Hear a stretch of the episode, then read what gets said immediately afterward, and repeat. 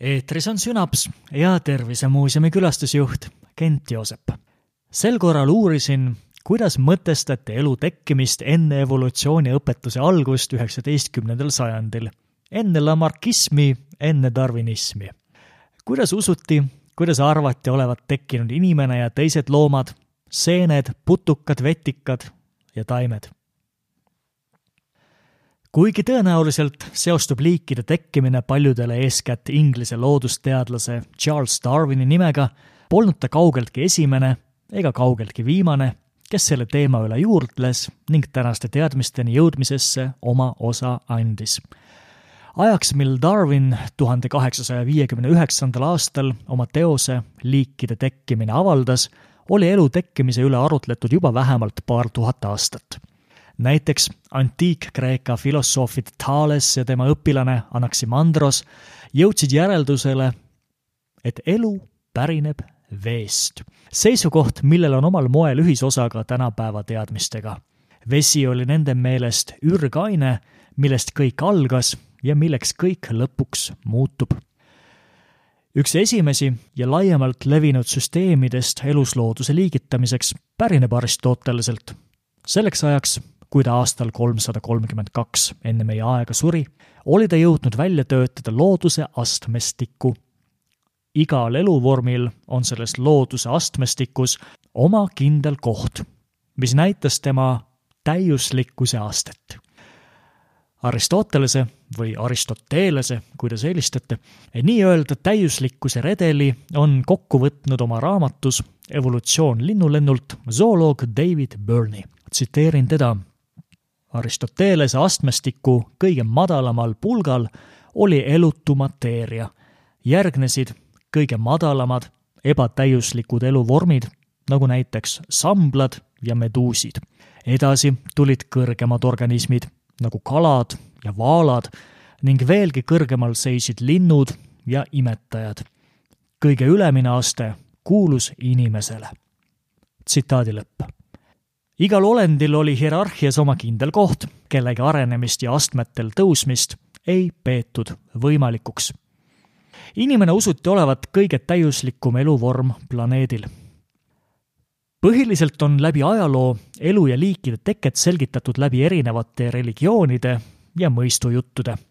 meie kultuuriruumis on kõige tuntum vast ja teadusajaloo käiku ka suuresti mõjutanud kristlik loomislugu kristliku kreatsionismi kohaselt tuli suur ja kõikvõimas Jumal, kes lõi alustuseks taeva ja maa, seejärel elu, taimed ja loomad ning lõpuks inimese. sealjuures inimene erineb teistest organismidest seepoolest, et on loodud Jumala sarnaselt, ehk oleme võimelised ilmutama sarnaseid omadusi, nagu näiteks õiglus ja armastustunne piibel õpetab, et iga liik on loodud temale omaseks ja seda põhjendatakse jumaliku plaanina.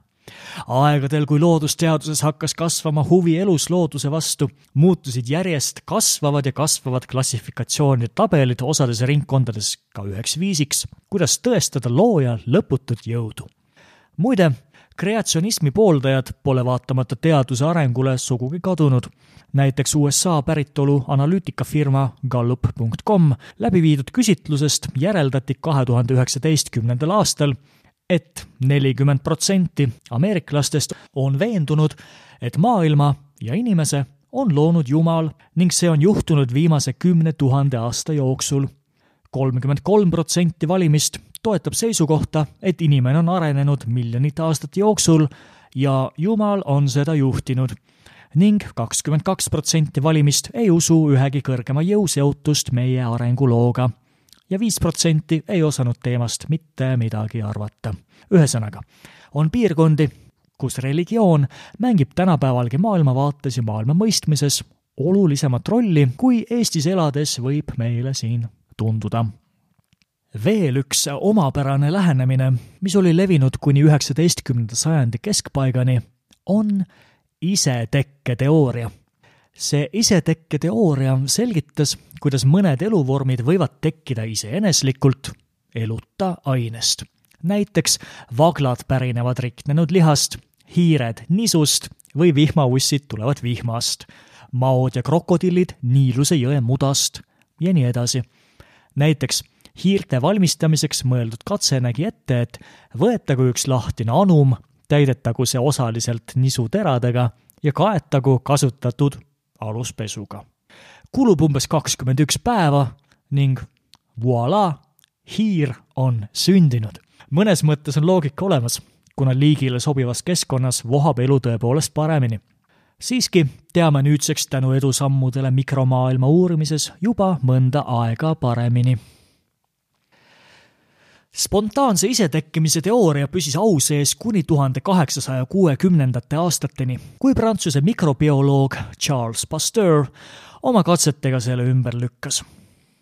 nimelt tundus talle see kahtlane ja kui Prantsusmaa Teaduste Akadeemia määras kahe tuhande viiesaja frangi suuruse autasu sellele, kes suudab isetekke teooria lõplikult tõestada või ümber lükata, asuski ta selle kallal tööle vähemalt selline versioon sündmuste käigust on toodud Jill Pauli raamatus viiskümmend eset meditsiini ajaloost. Pasteur võttis selleks kasutusele ühe pika ja peenikese ja keerduskaelaga pudelid ehk luigekaelaga pudelid, millest ta keetis erinevaid läbipaistvaid tõmmiseid eesmärgiga tappa kõik mikroorganismid. mõne pudeli kaela oli paigaldatud filter, mõnda mitte, kuid kael oli igal juhul piisavalt peenike, et tolmu ja mustusosakestel oli sinna raske jõuda ning Pasteur demonstreeris, et tõmmis ei saastunud. miski ei kasvanud tõmmises enne, kui pudelid purustati ning tõmmisele pääsesid seejärel ligi elusorganismid, näiteks tolmuga sinna kandunud spoorid.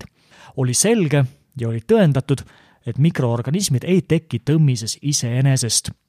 ja Teaduste Akadeemia auhinnaraha kuulus Louis Pasteurile. tõenäoliselt ühe olulisema evolutsioonihüpoteesi enne Darwinit püstitas Prantsuse loodusuurija Jean-Baptiste de Lamarck oma tuhande kaheksasaja üheksandal aastal ilmunud teoses Zooloogia filosoofia.